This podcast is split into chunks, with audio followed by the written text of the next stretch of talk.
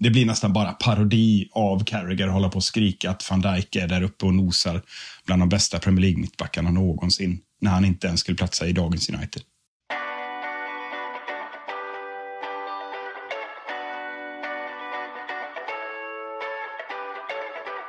Can Manchester United score? They always score. Rooney! Oh, wonderful! It's Berbatov! It's brilliant! Marcus Rashford! Oh, glorious! That is a special one!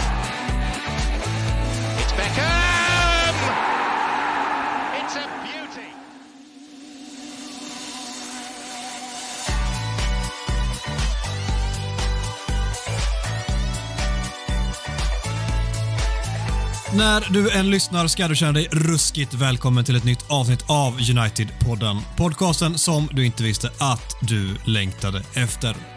United-podden görs i ett stolt samarbete med både den officiella supporterklubben MUS och United-redaktionen på Svenska fans.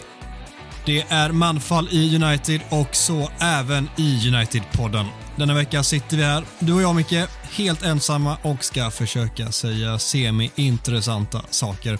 Hur känner du inför det?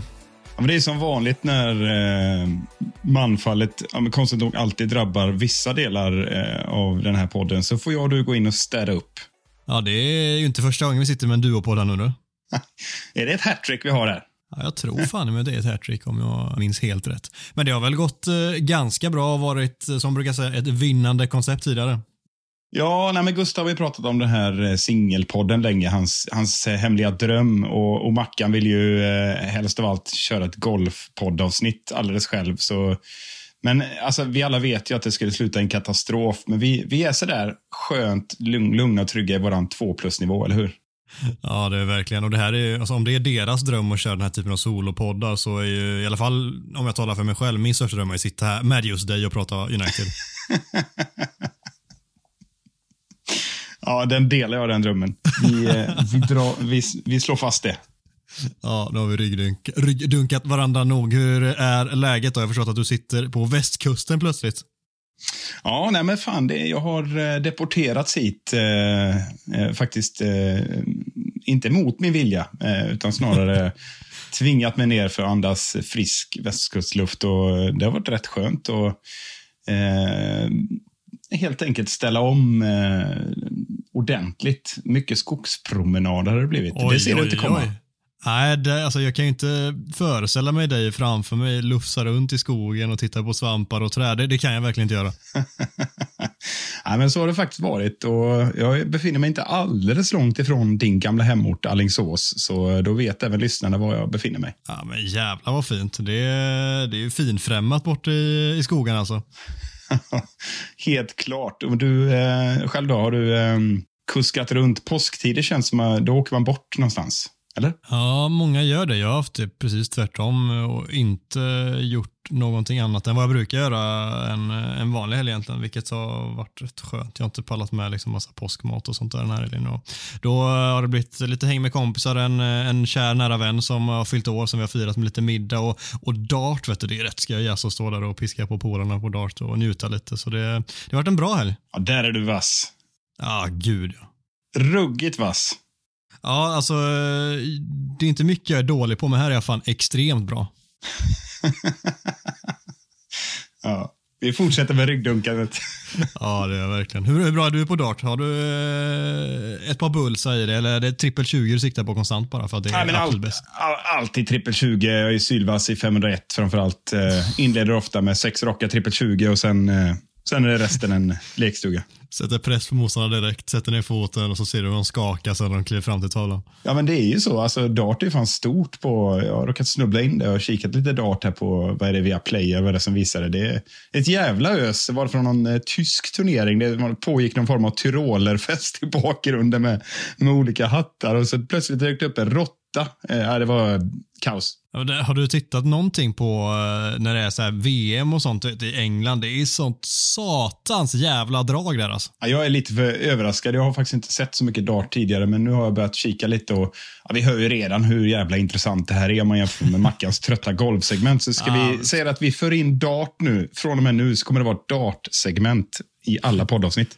Ja, det tycker jag verkligen. Jag har en perfekt övergång jag kommer på nu också med en superlåt som de kör på alla, på alla så dartstävlingar och eh, framförallt på eh, mästerskapen. Alltså den slänger vi upp här som en schysst övergång så dunkar vi på matchsnacket efter det. Gött!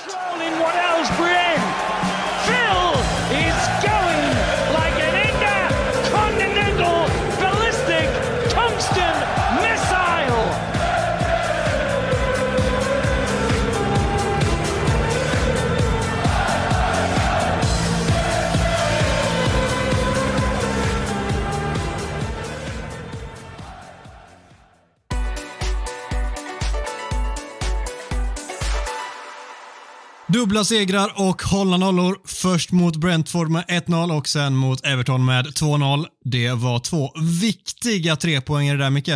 Ja, alltså jag tänkte inför den, inför den här veckan att eh, ja, men en klassiker liksom, när det väntar två lag eh, hemma som man bör slå. Att kan vi inte för en gångs skull bara komma ifrån det här med sex poäng så man kan andas normalt. Casemiro tillbaka, Eriksson tillbaka. Ja, det, var, det var verkligen eh, det är ett beställningsjobb skulle jag vilja sammanfatta veckan. Jag vet inte hur du såg, eh, hur du såg på det inför. Jo, men vi, vi pratade om det lite inför och jag trodde ju faktiskt på två segrar även om det, jag kände att jag kanske var lite för optimistisk med eh, Newcastle-insatsen i ryggen. Medan eh, två övriga herrar i form av Mackan och Gustav eh, sa att det blir minst ett kryss på de här. Men eh, fick de, United eh, gjorde som du sa, det blev ett beställningsjobb och tog två raka segrar där framförallt Everton-matchen, trots att det tog ett tag innan man fick hål på dem med oändligt många målchanser så var den rätt bekväm i slutändan. Brentford eh, lite lurigare, men eh, det gick ju vägen där också.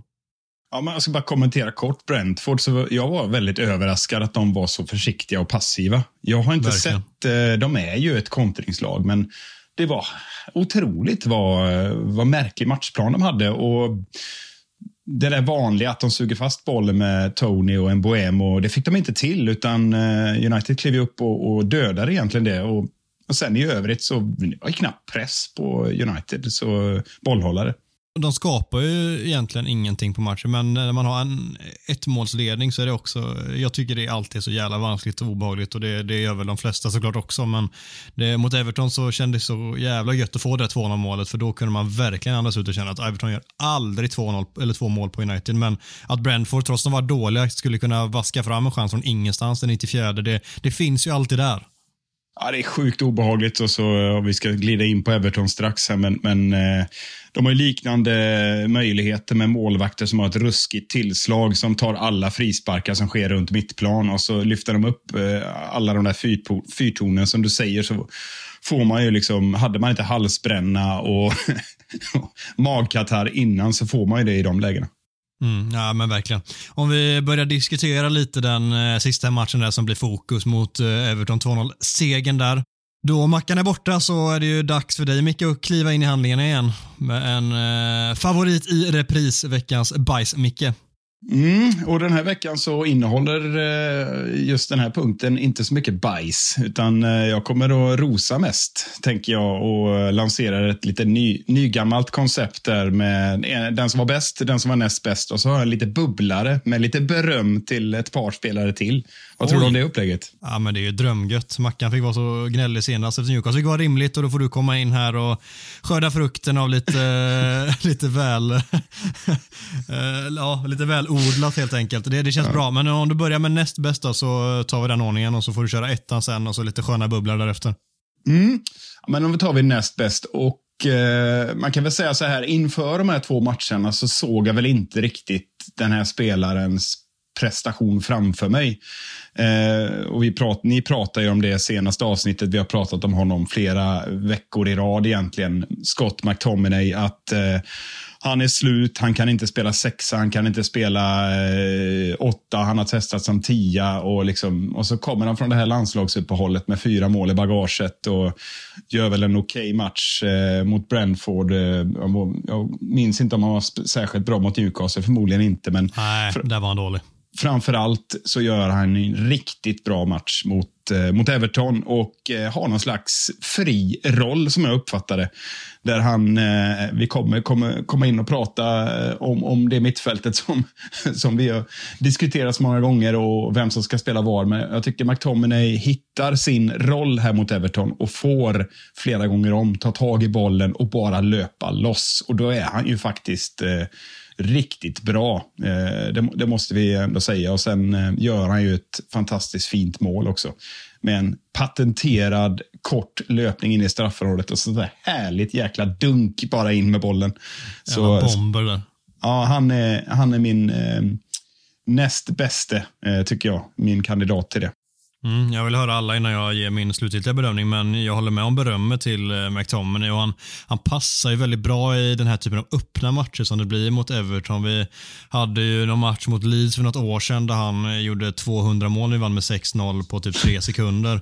och eh, Det var ju också en sån match mot Leeds där det var helt öppet och han bara fick liksom tugga igenom mittfältet och liksom bulldosa fram som, som ingen annan riktigt kan. Han, där är han ju eh, snudd på unik i, i alla fall i Premier League sättet som han bara alltså, dundrar fram där och är så enormt svårstoppad. Så när det blir den typen av matchbild då är han väldigt, väldigt bra. Men det är för sällan det är och eh, det såg vi kanske i de två tidigare matcherna att när det är den typen av, eh, av spel så funkar det inte kanon. Men mot Everton när det blir öppet då eh, var han riktigt, riktigt bra. Ja, jag tycker det var flera anledningar till när vi kommer till den som är bäst. Här, om du tycker att det är en vettig ordning att ta här så så eh, delvis att eh, McTominay spelade den typen av match och, och även mittfältskollega Sabitzer tog en fin roll som vi kommer komma in på strax, eh, så möjliggjorde ju det att vi lanserade en quarterback eh, i United. En eh, Paul Scholes-insats av eh, Bruno Fernandes som jag tycker är smått fenomenal i den här matchen. Och visst, eh, man kan invända och tycka att Everton var otroligt svaga i pressspelet och märkligt glömde bort Bruno. Det var nästan parodiskt när han slog en 3-4 kanonkrossbollar till frilägen eh, från en djup position. Men jag tycker Brunos eh, sätt att ta sig an den här rollen egentligen eh, ända sedan han har fått testa den här, men framför allt här mot Everton, någon slags crescendo när han får vara ohotad jag ser inte jättemånga andra i ligan som har den blicken för spelet och, och den bollträffen eh, när han får stå och måtta så. Och i övrigt så gör han ju en kanonmatch. Eh, han är överallt. Fast han har en djup roll så följer han med upp då och då och kommer ut på kanten. Och, ja, det var en riktig Kevin De Bruyne-insats om man ska om man ska betygsätta och jämföra med någon spelare så är det egentligen bara De Bruyne som eh, kommer upp i den nivån som Bruno har när han spelar på den nivån. Ja, du säger egentligen allt det som uh, stämmer in med mina tankar. Brentford-matchen tycker jag också, även om det är lite annorlunda typ av spel, så där är han ju mer så här, vad ska man säga, han kliver ner i någon form av Pirlo som dikterar tempot på ett annat sätt och får det att, att flyta i mångt och mycket. Jag tyckte han gjorde en väldigt underskattad insats mot Brentford. Han inte fick några stora rubriker, han har fått lite mer efter Everton, men jag tycker ändå för lite efter Everton-matchen. Så att du lyfter upp honom som uh, nummer ett är verkligen på sin plats.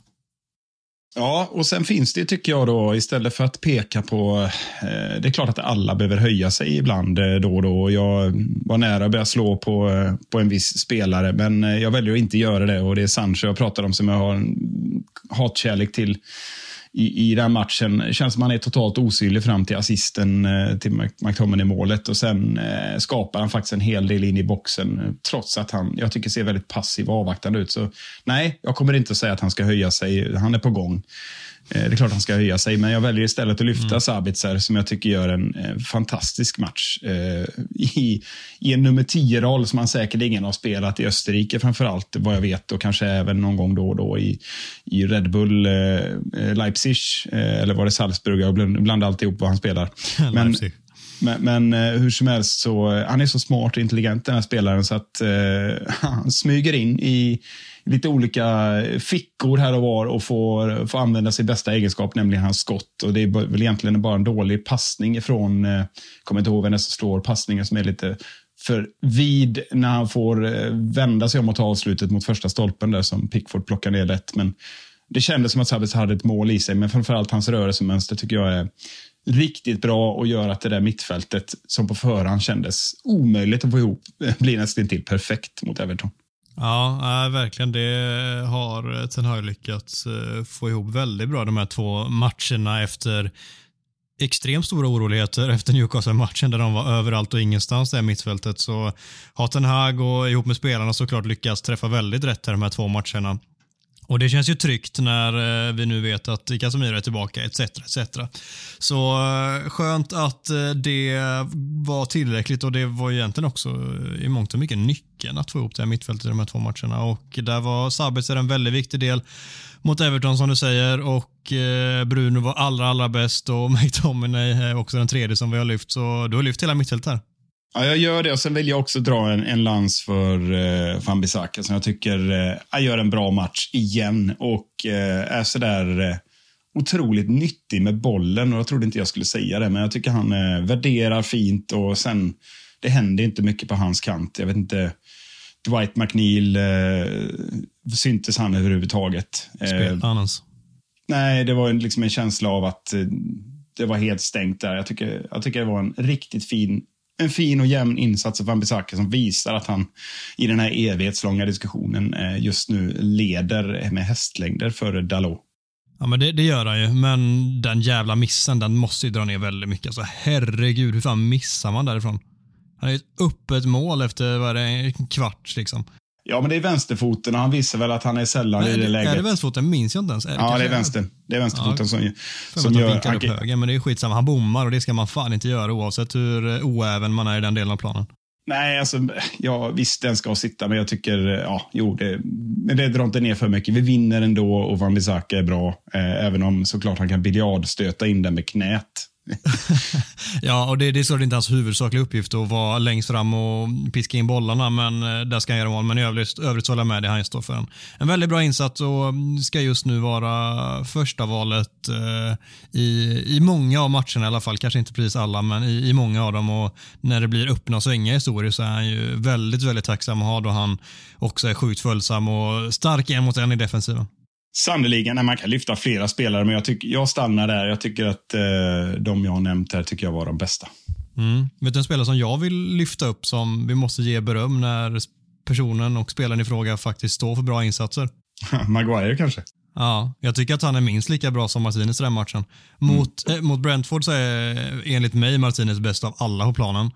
Men eh, alltså mot Everton så eh, Maguire är riktigt bra. Alltså han har fått extremt lite cred för det, vilket är förståeligt för folk vill nog titta bort från honom så mycket som möjligt. Men jag tittade tillbaka och såg om matchen också och la lite extra fokus på eh, försvaret i matchen och alltså Maguire han är riktigt bra. Det är, han missar kanske en längre boll, men i övrigt så spelet med bollen är extremt öppnande också i, i stora perioder av matchen samtidigt som han har full kontroll bakåt på ett sätt som vi kanske inte har sett honom på hela säsongen. Sen pratar han själv efteråt om att jag inte förlorat sedan vecka sex eller vad han nu pratar om. Liksom. Mm. Men eh, det, det kan han ju prata mycket vill. Han har, han har inte varit eh, klockren i, i många matcher, men herregud vad, vad mycket bättre han var mot Everton och det, det förtjänar han fan med cred för.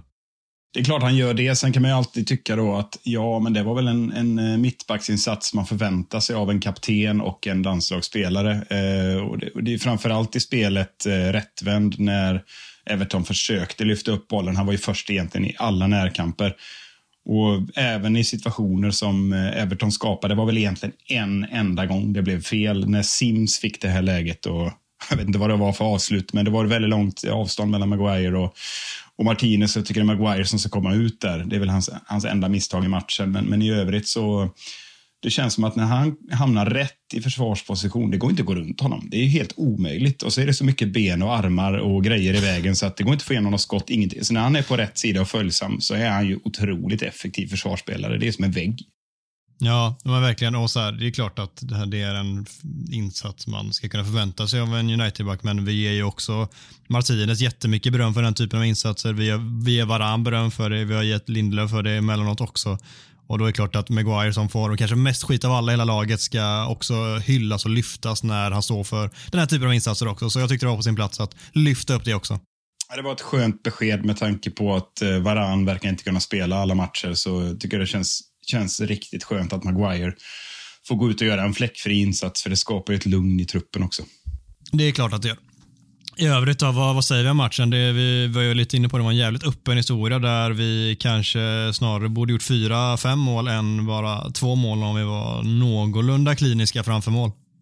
Ja, alltså man, här kan man också invända och säga oj vad dålig Everton är och det var riktigt håglöst och märkligt spel av ett Sean Dyche-lag. Jag fattar ingenting. Extremt olikt Sean Dyche-lag detta eller? Ja, jag fattar inte vad han höll på med eh, överhuvudtaget. Och det, det, är klart att det var rätt tydligt att de saknade eh, Ducoré på mitten eh, och, och eh, Alex Evobi som har varit eh, väldigt bra offensivt, hittar, hittar ofta på någonting med bollen. Eh, mäktar inte med den rollen alls på innermittfält, tycker inte jag, utan United sköljde över. Mycket på grund av, av de här tre mittfältspelarna vi pratat om och att backlinjen stängde till, så de kom ju egentligen ingenstans. Och, och men sen, vad är det för sjuk match? Vi, vi kunde, det kunde stått 7-0. ja, det var, det var nästan på den nivån. Och det, och det hade inte varit i, i underkant ens. Det, det är väl typ tre rena frilägen och ett öppet mål och ett par, liksom, det är en stolp. Ja, det, det, är så, det är så mycket målchanser där jag såg och slet mig själv i håret framför. För man har ju sett den här filmen förut där man bommar så här mycket lägen och sen mm. så får man ett i arslet istället och så kan man inte riktigt resa sig från det. Så det var, det var skönt att det blev så den här gången men eh, det osade ju katt ett tag där. Ja, det var det klassiska. Eh, 28-2 i avslut och så blir det 1-1. Liksom. man, så, man, såg den framför sig. Ja, och då var det såklart extra skönt att uh, få tre poäng. Särskilt också i hur tajt den här Champions League-platskampen nu ändå är. Det, det, det kan gå hela vägen in på målsnöret detta, Micke. Sannerligen.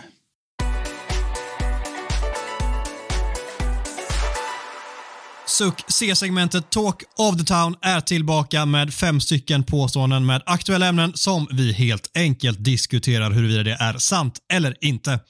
Veckans första punkt lyder så här. Bruno Fernandes går före Christian Eriksen som åtta. Och eh, vi snurrade lite på Brunos roll här, men eh, utveckla gärna lite grann, Micke. Ja, men det här följer lite grann i, i spåren för diskussionen kring det här mittfältet. Hur fan, på ren svenska, skulle Ten Hag sy ihop ett mittfält som såg eh, ut som yra höns mot Newcastle eh, när det väntade de här två matcherna. Och Eh, vi har även diskuterat det här tidigare eh, kring just Bruno Fernandes användningsområde och jag eh, tänker faktiskt slå mig själv på bröstet lite grann. Har ju faktiskt förordat att Bruno kan ta en sån här roll och är ett bättre alternativ i en djupare roll eh, med eller utan Casemiro. Eh, till exempel istället för McTominay. Men nu är ju påståendet uppställt så att det är Christian Eriksen vi ska jämföra med och det var ju extra skönt att se Eriksen tillbaka. Eh, och jag noterade då att Eh, Eriksen tog Brunos roll. Eh, de här minuterna han spelade och så fick Bruno kliva upp i någon högre roll. Han var väl på högerkanten till slut. Som vanligt så avslutade han matchen med tre roller. Liksom. Men, men, men påståendet här är väl egentligen så här, vad händer när alla är tillbaka? Och eh, Ja, jag måste säga att eh, invändningen har ju varit tidigare att Bruno har för dåligt närkampsspel och kan inte värdera och eh, spela för mycket chansfotboll. Jag tycker han visade exakt tvärtom här mot Brentford och Everton och även i några andra matcher när han korta stunder har gått ner i den rollen. Väldigt vårdad och eh, som du är inne på Pirlo-aktig mot Brentford och Scholes-aktig här mot Everton. Eh, och visst, man kan inte bedöma och säga att ja, men nu, från och med nu så är han omskolad och ska spela i den rollen. Eh, men jag måste säga att eh, jag blir inte förvånad om Ten Hag kommer att använda Bruno bredvid eh, Casemiro på något sätt eh, även i fortsättningen. Och då är frågan vad ska man göra av Christian Eriksen då? Och, ja, han är ju precis lika klok och vass som Sabitzer om inte nivån högre. Så att, att han skulle kunna spela tia är ju inga konstigheter alls. Eller en åtta bredvid Bruno om man nu väljer att spela 4-3-3 rakt, eh, om du förstår vad jag menar. Så att jag, jag skulle vilja säga, jag svarar inte ja på den här, men jag säger ändå att jag blir inte överraskad om, eh, om Bruno kommer gå först i den rollen framöver. Då tänker jag ställa det på sin spets, Micke. Du måste ju ge oss ett svar här. Bör Bruno enligt dig gå före Eriksen i, i den rollen som det ser ut just nu? Som det ser ut exakt just nu, ja. Eh, och Det bygger jag mest på att Eriksen är, är på väg tillbaka och måste bygga upp sig. feg. Ja, jag vet jag är feg, men, men samtidigt så... Ja, eh, om du liksom tar i beräkningen så som Eriksen har sett ut i den här rollen tidigare under säsongen, för det är väl ändå det vi förväntar oss att eh, han så småningom ska komma tillbaka till.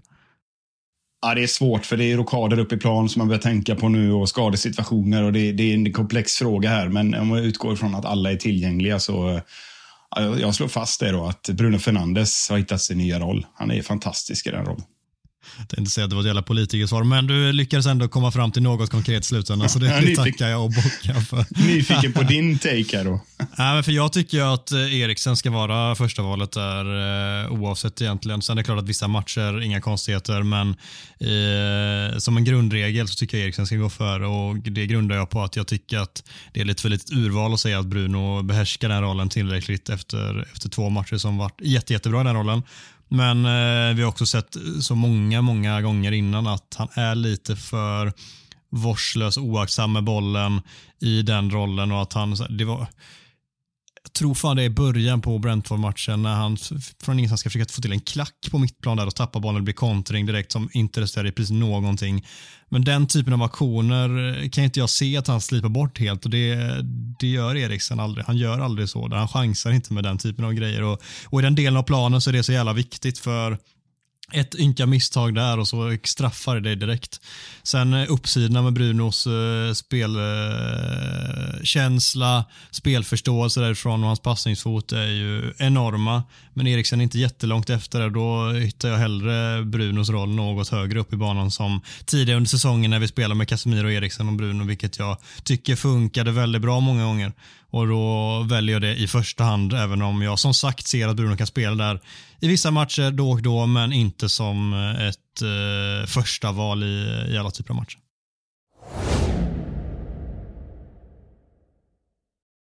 Även Ferguson hellre än Harry Kane. Och det är något inspel vi har fått från Twitter gissar jag, Micke, du som satt ihop denna. Ja, men det, det är ju snarare liksom ryktes-Twitter som jag har plockat upp den här. och eh, det har varit ett jäkla tjat om Harry Kane här. Och vi har ju diskuterat det tidigare och vi vet ju vad, vad en sån värvning kommer med, nämligen höga förväntningar och framförallt en sinnessjukt hög prislapp. Jag har ju faktiskt eh, inte specialstuderat, men jag har kikat rätt mycket på den där Ferguson och man får ju lite Wayne Rooney-vibbar. Får inte du det? Verkligen, verkligen. och det, ja, han har jättehögt som talang, alltså jättehögt. Och vi har diskuterat det tidigare, jag tror vi satte in honom och jämförde med, var det jag och du som gjorde det, eh, med eh, Garnacho och lite andra talanger eh, på tonåringsfronten. Man kan väl säga så här, för det är ju egentligen, för att väva in vad det är vi vill komma till här, är ju är han liksom Ferguson redo att kliva in här som första val som nia i United? Det är egentligen det vi pratar om här, jämföra med kanske världens bästa nia. Eh, eller nia, tia som Kane är. För det går väl inte att, att, argumentera att någon är bättre än Haaland, men eh, Kane är ju komplett och det blir ett annat typ av spel och det är klart att där är ju naturligtvis inte Ferguson än, men man, det, det kittlar lite grann att värva en sån råtalang som är stor och stark, som har en stark arbetskapacitet och som dessutom har visat näsa för mål. Tänk att sätta honom i händerna på på Ten Hag och se honom eh, mejsla fram eh, en superstjärna. Men det kanske tar två år. Och Samtidigt så vet vi att vi köper en garanti i form av Kane, men det är väldigt mycket dyrare. Och vi vet inte hur länge den garantin håller. Är det max två år man kan, man kan eh, förvänta sig att Harry Kane ska fortsätta leverera på den här nivån? Och vad ska han ha för lön? Alla de här sakerna. Så jag landar ändå i att då chansar jag hellre på Evan Ferguson än att eh, köpa garanterade mål från Tottenham. Är det värt att göra det då med tanke på var, var United är i processen just nu, var Ten Hag är? Är det, är det en chansning som United behöver där och då? jag, jag, jag, jag köper verkligen tanken kring Evan Ferguson och jag hade jättegärna sett honom i United men jag vet inte om det är rätt i dagsläget att köpa in en chansning just nu. Jag, jag vet inte. Samtidigt som jag är jävligt ambivalent för jag kan samtidigt titta tillbaka och känna det var ju lite det som Sir Alex Ferguson gjorde med just Wayne Rooney. Ja, och, det, och det flög ju utav bara helvete. ja. Men eh, det, det är jävligt svårt och då finns det också, det finns ju andra fiskar i dammen där också. En Victor Osimhen till exempel som ska in där som varit fullkomligt briljant i Napoli. Det kanske är eh, ett ännu bättre val i slutändan. Något yngre skulle gå för typ samma pengar som Harry Kane antagligen. Och eh, lite annan speltyp eh, förvisso, men eh, om en väldigt, väldigt mycket mer prövad än Evan Ferguson. Så det, det finns ju jättemånga olika alternativ och jag, jag tror att jag ändå landade i att jag väljer bort Evan Ferguson, hur jävla jobbigt tråkigt det känns. För jag hade älskat att se honom i ett United och se vad Ten Hag hade kunnat göra med en handpåläggning där och forma honom eh, in i Uniteds spelstil. Men jag tror att det i dagsläget inte är optimalt att välja eh, den yngre råtalangen som än så länge inte har gjort tio starter i Premier League. Nej, det har ju rätt. Nu kommer inte jag ihåg Rooneys statistik i Everton, men det, den är ju, var ju sannolikt mycket bättre. Han gjorde väl ett x antal mål där och var ett wonder kid eh, och allt vad det nu var. Eh, men det är lite en annan konkurrens nu. Eh, det går lite fortare och bör vara lite svårare kan man ju tycka. Men ja, det ska bli väldigt intressant att se hur man gör här för att en och en halv miljard eller vad kommer Kane kosta? Jävlar vilken press det är. Det känns som han har bara allt att förlora med den övergången. Och United också. Så att jag, det är mer det jag är inne på. att vi, Det är någon slags, inte Ronaldo, inte Zlatan, de var betydligt äldre när de kom. Men det är lite, det kommer med sådana enorma förväntningar. Eh, och sen, och sen eh, skulle det bli så att han inte levererar, ja, men då står man där med ett jättekontrakt. För jag gissar att man skriver ju minst ett tvåårskontrakt med en sån spelare. Så ja, fan, jag är, jag är också ambivalent här. Men eh, så tycker jag det är lite kul om man skulle våga chansa i det här läget. Men det bygger också på, är Martial kvar? Eh, han har ju tröttnat på honom, säger de andra ryktena. Eh, Rashford eh, kan ju vikariera som nia, men ah, så då säger väl en del att vi måste köpa fler alternativ då. Mm.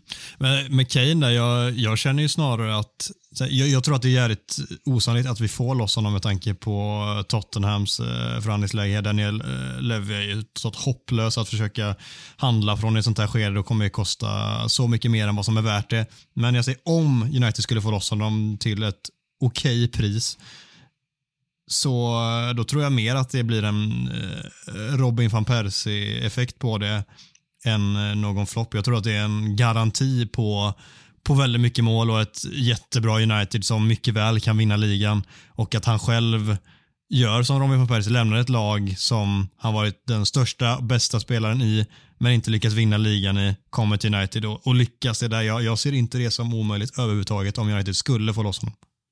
Ja, det känns ju som att det, det är det enda möjliga klubbvalet för Kane. Jag har ju svårt att se, det är väl Real Madrid då, men, men eh, jag har svårt att se han göra den flytten. utan Med allt vad det innebär, det gör väl minst ont då att gå till eh, United kanske. Ja, det har pratats om eh, Bayern München innan, men jag har jättesvårt att se en Harry Kane gå till Bayern München. Men vad fan vet jag, det, det känns bara inte rätt. Och då, jag håller med dig, det, det känns som att det blir antingen så gör han karriären ut till Tottenham eller så går han till eh, United i sommar. Det är min magkänsla och eh, vad det blir återstår såklart att se.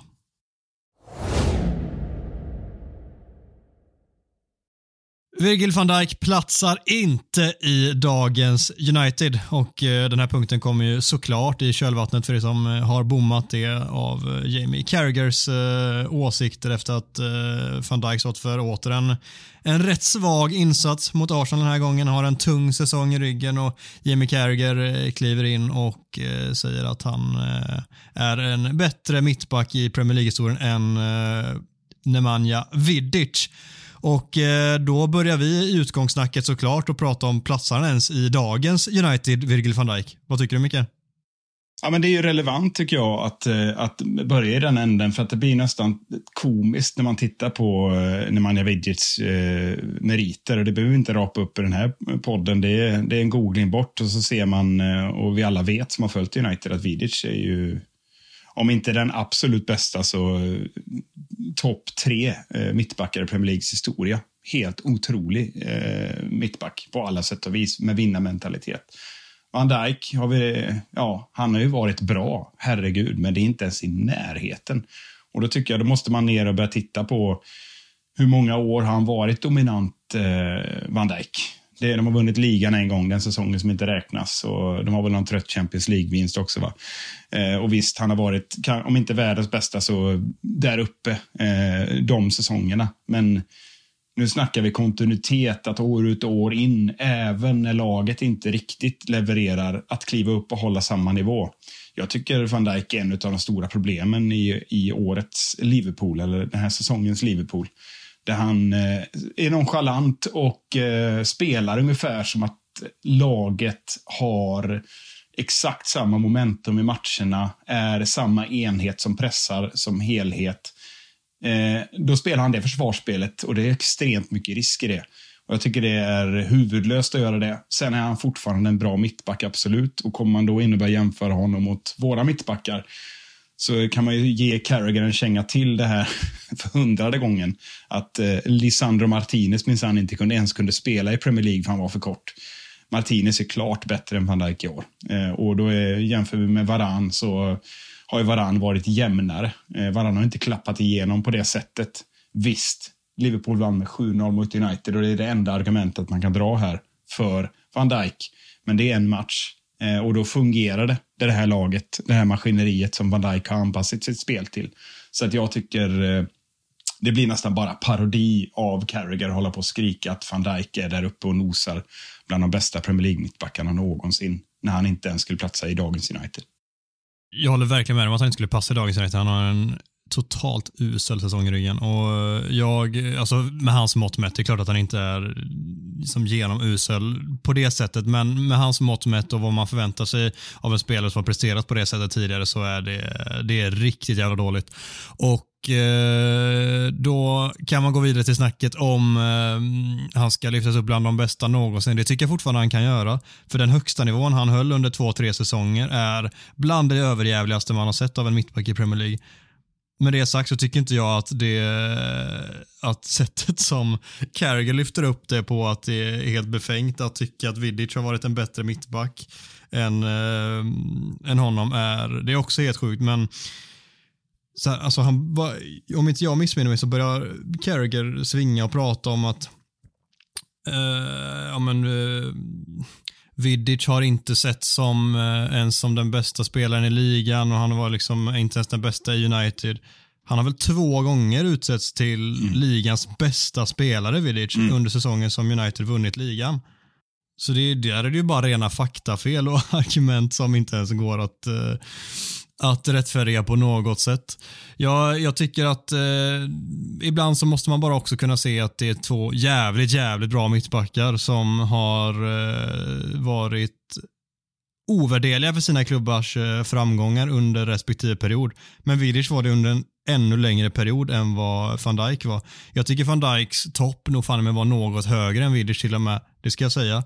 Men utbrett över så många säsonger så det går inte att säga att han var en bättre mittback, eh, att han är en bättre mittback, har varit en bättre mittback än, än Nemanja Vidic United. Det, det går inte för han var det under så många år. Van Dijk har varit det i två, tre år kanske av sin tid där han var otrolig, men inte nu. Ja, det räcker så. Du, du summerar helheten där på ett mycket bra sätt. Ahmad in och Elanga ut. Och det är väl en eh, en punkt som vi slängt in med tanke på att Ahmad har haft en succésäsong här i, eh, i Sunderland på lån. Han har pratat om att han, nu i en intervju bara i dagarna, han har pratat om att han vill tillbaka till United och att visa vad, vad han går för. Och eh, samtidigt så har vi en eh, Elanga och ett par spelare till kanske som ska på lån eller, eller till och med säljas eh, i sommar. Och eh, då är väl egentligen den slutgiltiga frågan, är Ahmad tillräckligt bra just nu för att in och, komma in och konkurrera om speltid i Manchester United?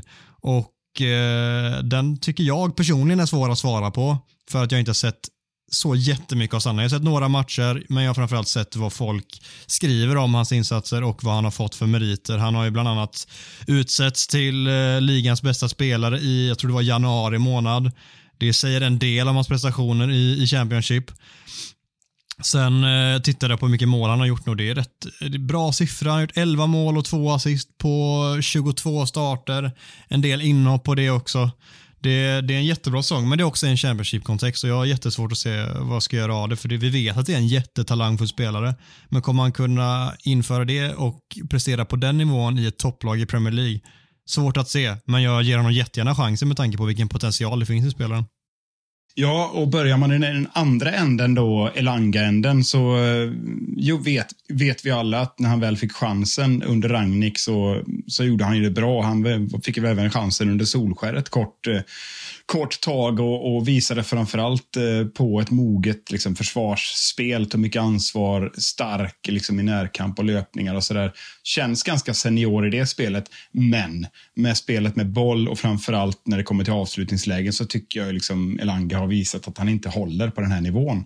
Och, och det, det, kan man ju säkert liksom bokföra som dåligt självförtroende. Han har inte fått chansen tillräckligt. Och, ja, det är mycket förmildrande omständigheter, kanske för att han är svensk. Så jag, jag tänker väl så här, Ahmad känns... Eh, jag är på samma nivå som du. Jag har sett ett par matcher och sett lite highlights. Jag har läst om honom. Eh, han känns som en spetsspelare som är bra på den där sista passningen och avsluten i Championship, absolut. Men, men eh, Elanga känns mer som en annan typ av spelare. Och då är egentligen frågan om vad man har i resten av truppen.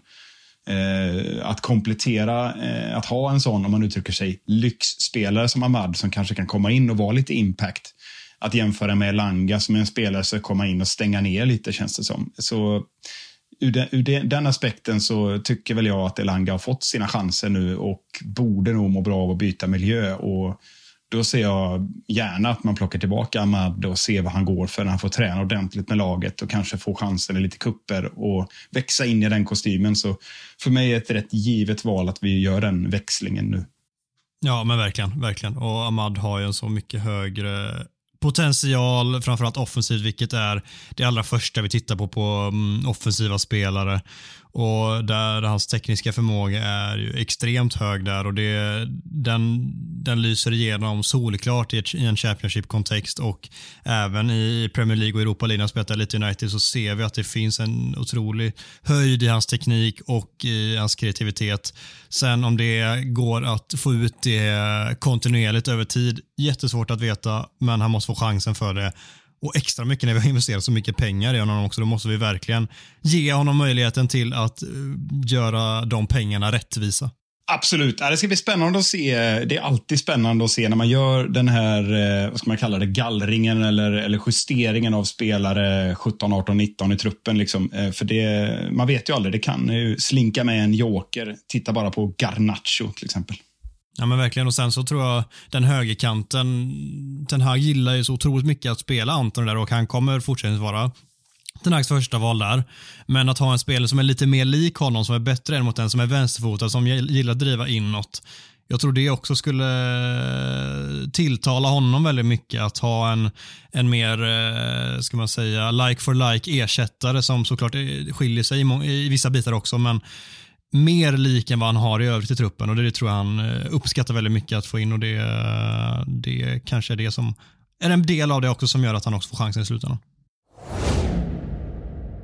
Vi har en punkt kvar och här är det ju en sån satans megapudel som eh, ska in Micke. Du var inte med förra veckan. Du ska inte hållas lika ansvarig som vi övriga. Men vi eh, lanserade ju en hel fräsch satsning som vi valde att, eh, att benämna det i veckans Town Hall med eh, ett ämne som helt enkelt blir veckans fokuspunkt som vi sen slänger ut på sociala medier och ber våra läsare komma med åsikter och, och tankar kring det och sen så tar vi upp det i nästa avsnitt. Vad, vad glömde vi därifrån Micke? Ja, jag, jag, jag, satte mig med fötterna på bordet och poppade popcorn. Så det var intressant med en, en nylansering som jag faktiskt inte var en del av eh, och såg fram emot där. Och sen ja, hände ingenting helt enkelt. Så det är ett rejält magplask på den världspremiären. Vi glömde den lilla, lilla gigantiska detaljen att slänga ut det på sociala medier, så vi kunde ju inte få in de här tankarna. Det var någon otrolig brist i kommunikation där, där alla trodde att de andra skulle göra det och sen så, vad i helvete, nu är det lördag och nu är det, ja, men nu är det alldeles för sent, nu är det matchdag. Ja, det är så jävla dåligt så vi får ju bara skämmas. Stoppa över till sanden och be om ursäkt. ja, vi... Och, och, du bara skrattar och tittar på medan helvetet brakar lös. ja. Nya tag. Ja, ja, men nu kommer du inte undan den här gången Micke. Den här gången har du minst lika mycket ansvar som övriga och vi kan lova att vi fan inte ska bomma den här gången. Då, eh, då, får, eh, då kan jag sjunga med dig Micke på den här jävla Rångerol-grejen för det kommer ju bli det. Vi kan inte det här bettet som vi gjorde veckan när du ska, när Wout Weghorst ska göra, vad sa vi, fyra mål eller? Ja, över fyra och ett halvt mål till och med. Det är riktigt obehagligt. Han ska göra Oddsen kan jag inte nu, men det är väl 9, 9, 9, 9 någonting. ja, exakt. Så bommar vi detta så tar jag på mig det att jag, jag kommer sjunga Rångedal med dig i så fall. Grymt. Bra, då har vi det ur världen. Veckans Town Hall den här veckan. Det är en, ett påstående som lyder så här. Manchester United missar topp fyra utan Rashford. Och här behöver vi kanske specificera vad menas utan Rashford. Är det en match, två matcher? Jag tänker mig, du får rätta mig om du tycker att jag har jättefel, men eh, utan Rashford då snackar vi fyra veckor, en månad ungefär. Mm. Och då skulle han missa egentligen tror jag, alla Premier League-matcher utom de två sista och eh, sannolikt typ alla Europa League-matcher utom finalen för Europa League är också en väg in i, i, i Champions League. Men om vi enskilt tittar på topp fyra Premier League-matcherna då skulle han eh, bomma alla matcher utom två sannolikt. Och eh, vad tror du? Missar United topp fyra om Rashford blir borta så länge med sin eh, ljumskskada vad det verkar?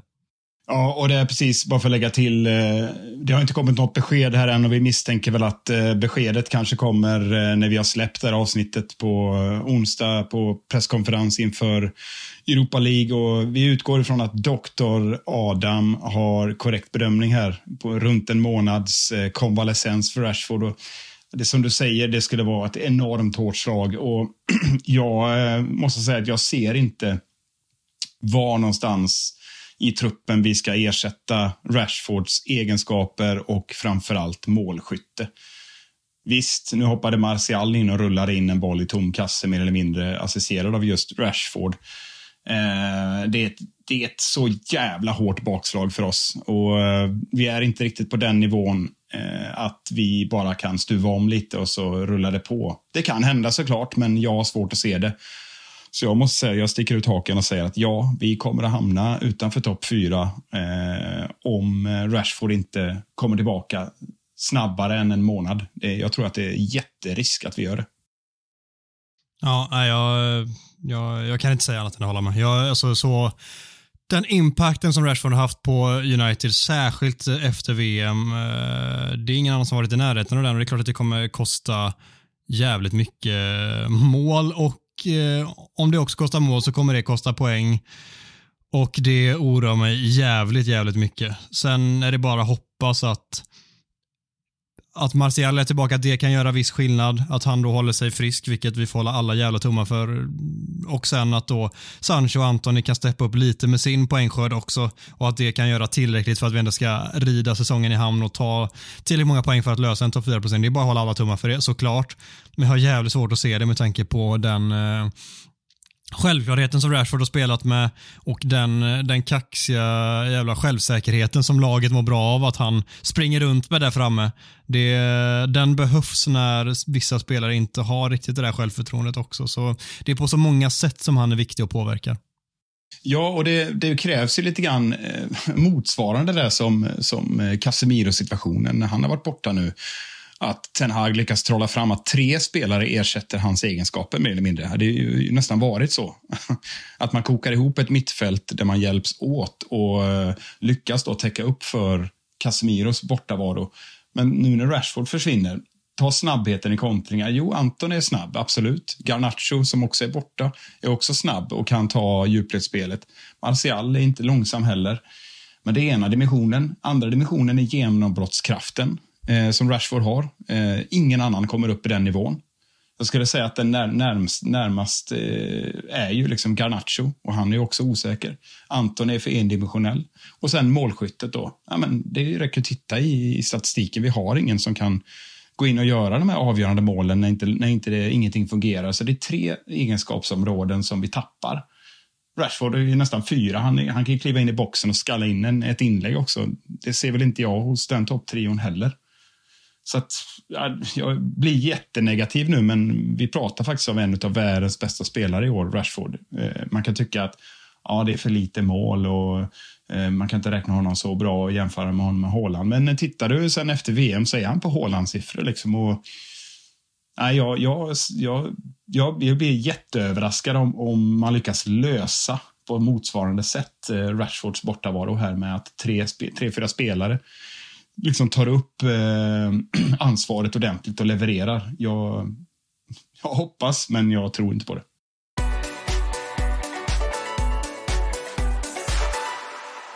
Härnäst spelar United mot Sevilla på torsdag kväll. Vi ska inte fokusera på det mötet, men jag låter dig nämna ett par korta ord om eh, den här drabblingen, Micke. Ja, men vi kan göra det. Vi kan köra en mini-motståndarkoll på Sevilla som, som ändå eh, tycker jag är rätt intressant. Är, vi pratar alltså om en Europa League-jätte som har hur många titlar då egentligen? Eh, känns som att de har vunnit hur många gånger som helst. Eh, nu har jag inte det i huvudet, men är det tre, fyra titlar eller? Ja, jag vet inte ens hur många det är, men eh, det är fan med för många alltså. Vi pratar om en Europa league i alla fall som eh, lite kort eh, bakgrund har eh, tre raka säsonger varit innan den här säsongen och varit Spaniens fjärde bästa lag. En stabil fjärde placering har det blivit. Eh, och därmed kvalificerat sig för Champions League gång efter annan. Men eh, i årets Champions League så åkte man ut med buller och bång eh, efter man hamnade i en jättesvår grupp med Dortmund och City och bara trötta Köpenhamn som kom eh, efter sig i tabellen. Så via PSG, eller PSV, förlåt, eh, PSV Eindhoven och Fenerbahce så har man eh, via hemmasegrar klart eh, hoppat vidare fram till de är idag.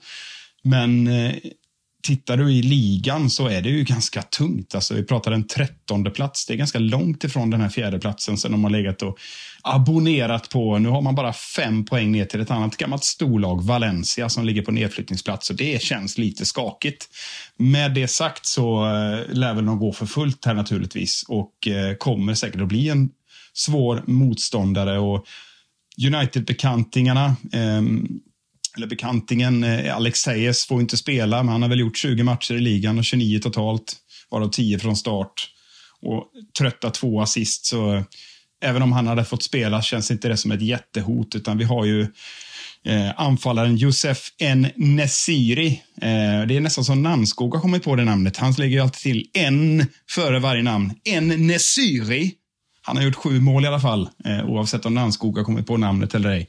Och så har vi vidriga Erik Lamela som eh, brukar grisa och filma till sig massa, som har väl gjort fyra mål någonting. Det är väl, det är väl hoten som jag ser offensivt eh, när vi tar oss an de här nu.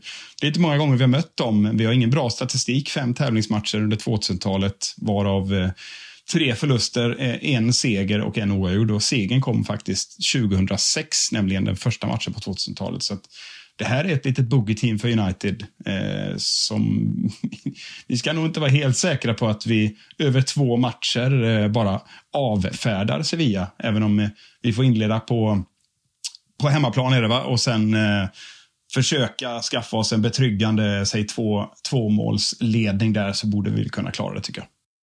Och sen då har vi ett eh, Premier League-möte igen. Då är det Nottingham Forest på bortaplan på söndag klockan 17.30. Och där har du en ännu mer gedigen motståndarkoll, Micke.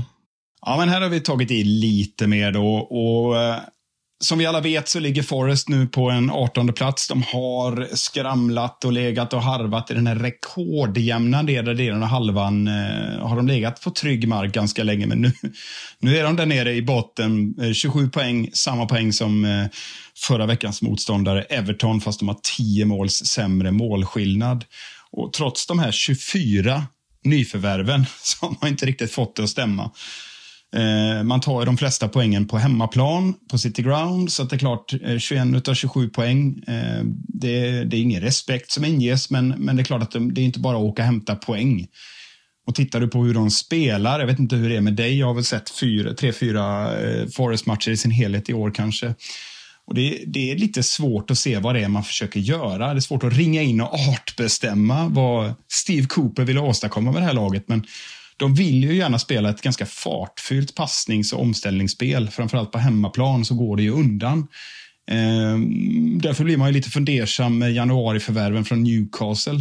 Jag menar, John Joe Shelby och Chris Wood i all ära, men nog fan är de inte fartfyllda i alla fall.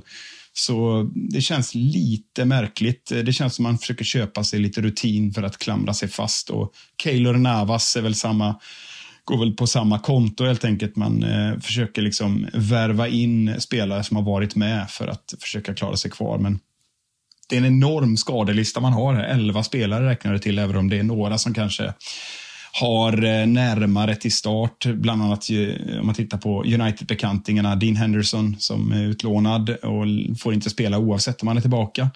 Och så Jesse Lingard då som... Ah, det är väl ett enormt frågetecken kring honom ehm, om man tittar på hans säsong som är väldigt, väldigt oklar. Han byttes ut här i paus mot Spurs den 11 mars.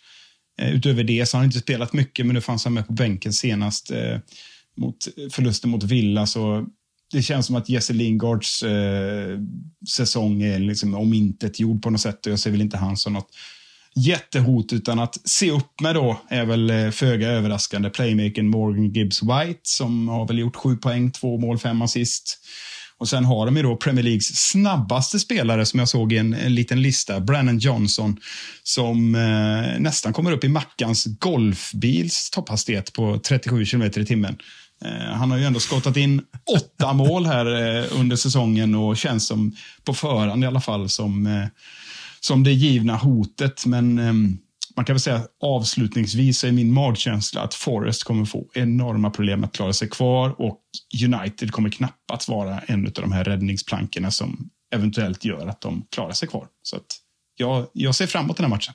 Vi pratade ju om oron att Rashford missar och vi, om vi räknar med att han bommar den här matchen eh, och så ska vi därifrån eh, tippa och eh, ge våra tankar och åsikter kring vad vi tror att det blir.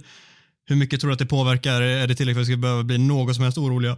Eller är du säker på en seger borta mot Nottingham Forest ändå? Ja, men det, det tycker jag att eh, Forest tillhör väl eh, den typen av motstånd där det inte ska märkas på samma sätt. Jag menar, eh, om Rashford hade varit frisk så kanske det är en sån match han eh, börjar på bänken. Eh, man vet ju inte, så att eh, det här ska vi klara av även utan Rashford och eh, jag tycker att framförallt är Forrest alldeles för ihåliga för att vi inte ska kunna utnyttja det med den kompetensen som finns i laget även utan Rashford. Så jag har liksom svårt att se att, att Forrest ska kunna hålla tätt. Eh, sen handlar det om att vi behöver göra det andra målet. Så det är väl egentligen det det, det handlar om, att vi, vi kommer att göra mål mot dem. Eh, de eh, kommer att försöka att spela sitt fartfyllda hemmaspel. Men det känns som våran defensiv är ramstark just nu. De Gea har 13 nollor.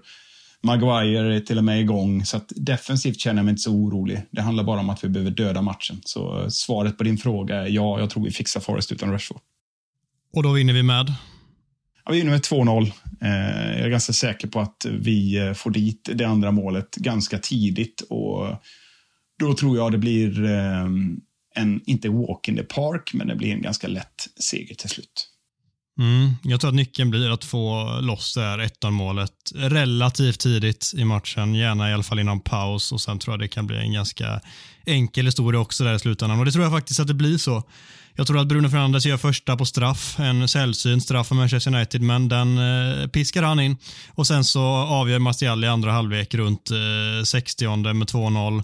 Eh, då är matchen stängd, men vi kontrar också även in 3-0 i slutet där eh, Antoni får göra ett efterlängtat mål han också. Jag säger inte emot. Eh, det, låter som ett underbart scenario. Jag tror vi stannar på 2-0 och då är det Bruno Fernandes och Antoni som jag tror faktiskt gör målen. Så att Martial får vila i målprotokollet, enligt mig. Du tror inte att Weghorst skriver in och gör ett hattrick då för ditt eh, betts skull? det, det vore ju så jävla gött. Eh, om inte nu är mot Forrest, men ändå att, låt säga att han gör ett hattrick, vilket är självklart att han kommer göra i någon match här. Bara se Gustavs ansiktsfärg när det börjar liksom gå mot, mot slutet, när de ger Weghorst en straff där när han står på fyra. Jag, jag längtar till den situationen. Ja, det gör jag också. Är vi asnöjda där, Mikael? Ja, vi är asnöjda. Vi, eh, vi kämpar på med eh, en världspremiär den här veckan istället. Ja, vi, eh, vi får helt enkelt göra det. Tack snälla kära lyssnare för att ni har varit med oss den här veckan också för att ni skickat in lite sköna kommentarer och punkter så vi kan ta vidare till vår Talk of the Town. Med det sagt så ska vi eh, kliva ut i eh, veckan med eh, skjuts i steget precis som ni. Ta hand om er.